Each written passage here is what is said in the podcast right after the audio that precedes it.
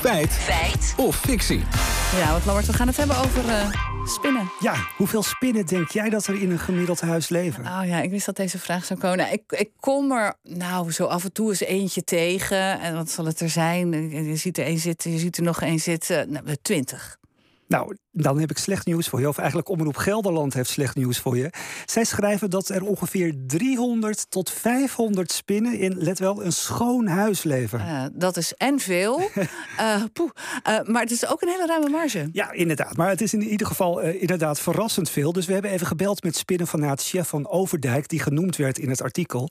Ze zijn uitgegaan van een gemiddeld rijtjeshuis. En eerst vroegen we aan spinnenkenner Andrea Dekkers welke soort er het meest voorkomt. Er is toch wel de trilspin, die je vaak in de hoek ziet van huizen. Die hebben van die lange, dunne poten. Zal ik mensen noemen hem de hooiwagenspin, omdat hij daar wel iets van weg heeft. En de gewone huisspin, die je ziet rennen over de grond. Ja, de huisspin. Maar zijn er ook uh, giftige spinnen? in huis? Nou, ik hoop, zijn? Ja, ik hoop dat spinnendeskundige Peter van Heldingen van Naturalis ons kan uh, geruststellen.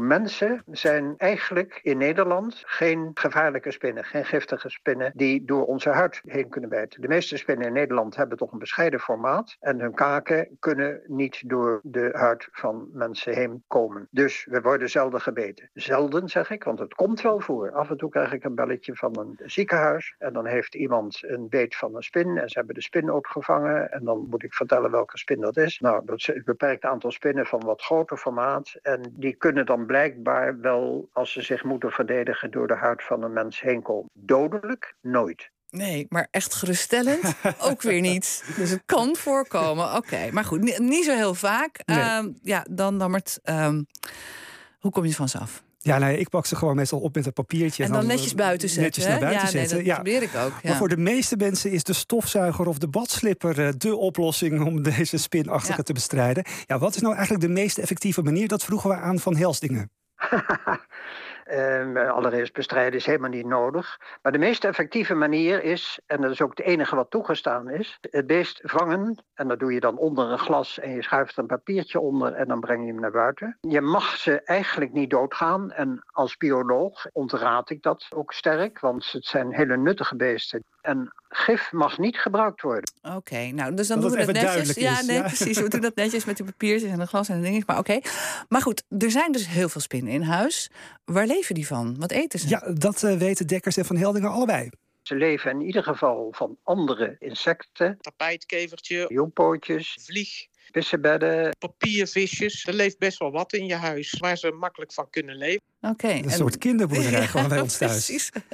Maar goed, door die spinnen zijn we daar dan weer mooi vanaf. Ja, dat klopt. Ik vroeg eh, Peter van Heldingen ook even wanneer ze het vaakst voorkomen. Algemeen geldt voor spinnen dat je de grotere spinnen, opvallende spinnen, die vind je vooral in de herfst. Denk aan de kruisspin. Maar in feite, die spinnen zijn er het hele jaar door. Want die kruispin is er ook in het voorjaar, is er nu. Maar hij is veel kleiner, dus hij valt nog niet zo op. Straks in september, oktober is hij heel groot, forse maat. En dan vindt iedereen, oh kijk, het is weer spinnentijd. Ja, dan nog even een verhaal, Lammert, dat af en toe wel weer eens opkomt als het over spinnen gaat. Dat je s'nachts onbewust spinnen eet. Eeuw. je, hebt, je hebt al die deskundigen aan de lijn gehad. Is nou, dat ook zo? Ja, we hebben het Andrea Dekkers even gevraagd broodje aapverhaal. Waarvoor zou jij als spin in de mond uh, willen gaan lopen? Waar niks te zien is, niks te vinden, waar alleen stikstof uh, naar buiten komt, CO2. Daar heeft de spin niks te zoeken. Dus ik denk zelfs dat hij het vermijdt. Okay, Gelukkig. Goed. Nou, dan halen wij een rustige adem. Maar goed, die 300 tot 500 spinnen per schoon huis, uh, dat blijft toch, nou ja, in ieder geval ja, zorgelijk. Is, is, is het waar? Ja, spinnendeskundige Andrea Dekkers en Peter van Heldingen, die zeggen toch echt dat het zo is. Chef van Overdijk, de spinnenkenner die we vanochtend belde, die zei dat dit zelfs nog heel goed hoger uit kan vallen. En dan hebben we het dus over schone huizen. Vieze huizen trekken nog meer spinnen aan, vooral daar waar het vettig is. Het is trouwens wel grappig dat stoffige huizen juist minder spinnen aantrekken. Dus misschien een tip voor thuis, niet afstoffen. Maar het is dus een feit. Oké, dankjewel.